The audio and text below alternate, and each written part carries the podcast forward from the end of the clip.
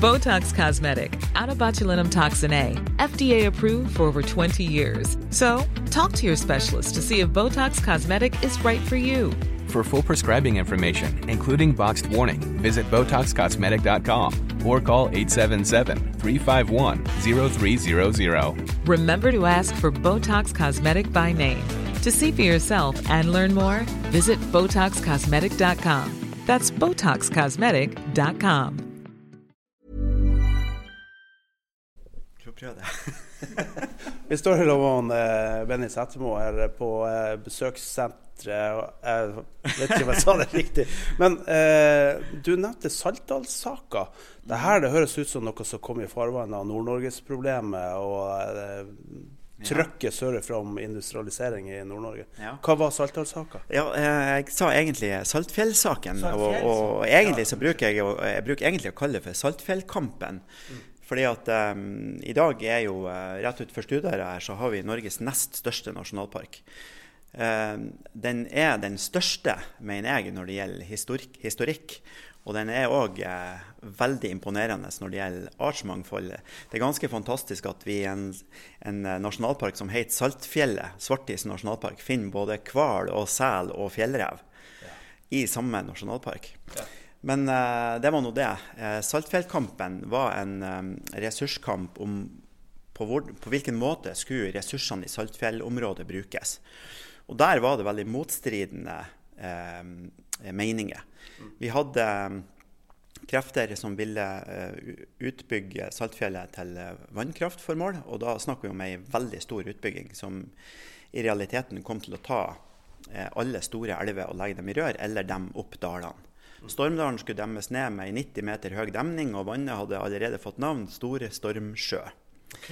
Og de områdene i Saltfjellet, eller et stort område av Saltfjellet som ikke var planlagt som en del av denne utbygginga, skulle brukes som skytefelt for Forsvaret. Altså hovedskytefelt for Nordland fylke. Og det er klart, Skal du ha et skytefelt på et, i et fjellområde med, med, skarpe, eh, med skarp ammunisjon, så kan du ikke ha verken reindrift eller friluftsliv eller jakt og fiske. Ingenting.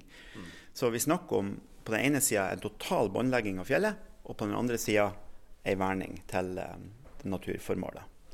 Og i 1989 så ble Saltfjellet Svartisen da heldigvis verna til nasjonalpark. Ja, Hvor lenge pågikk den her? Ja. For det, det er veldig typisk, det høres ut Ja. samme som Røsvassutbygginga. Ja.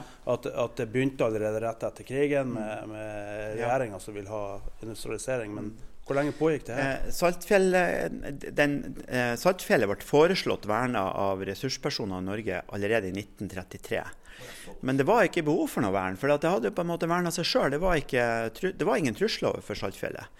Men på slutten av 60-tallet så kom Forsvaret med planene om eh, et hovedskytefelt. da. Så de kom før eh, den, den utbygginga? Ja, det jeg har greid å sette i gamle avisarkiv, så, så, er det, eh, så er det den skytefeltsaken som kommer først. Men, men veldig tett på kommer den her, eh, den her vannkraftideen. da.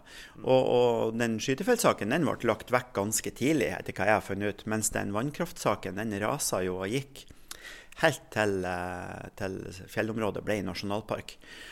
Og så var det jo sånn at noen få elver ble holdt utafor nasjonalparken. Eh, Men eh, det var noe man måtte gjøre for å komme til enighet på Stortinget om nasjonalpark i det store og hele.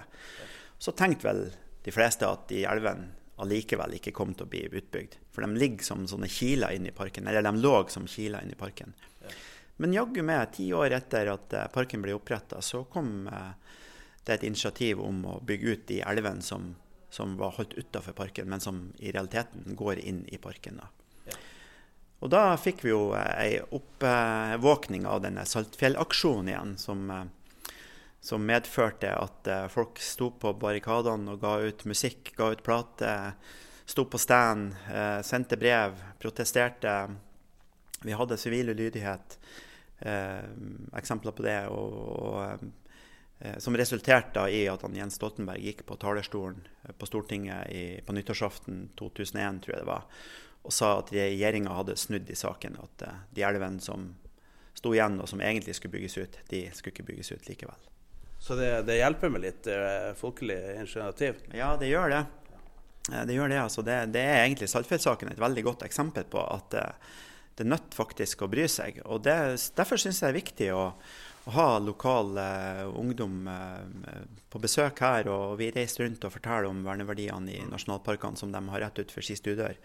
Sånn at de skal bli glad i områdene og ha lyst til å ta vare på dem i framtida når de blir voksne og sitter i styre og stell.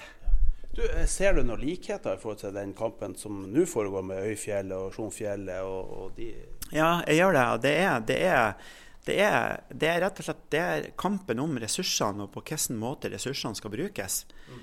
Eh, og, og, vi er ikke ferdig med det. Og den, kommer, den kampen kommer på ulike måter, tror jeg, for all framtid. Og da er det viktig at vi, at vi, har mest mulig kunnskap om de områdene og de ressursene som, som det blir stilt spørsmål ved. Botox Cosmetic, out of botulinum toxin A, FDA approved for over 20 years. So, talk to your specialist to see if Botox Cosmetic is right for you. For full prescribing information, including boxed warning, visit BotoxCosmetic.com or call 877-351-0300. Remember to ask for Botox Cosmetic by name. To see for yourself and learn more, visit BotoxCosmetic.com. That's BotoxCosmetic.com.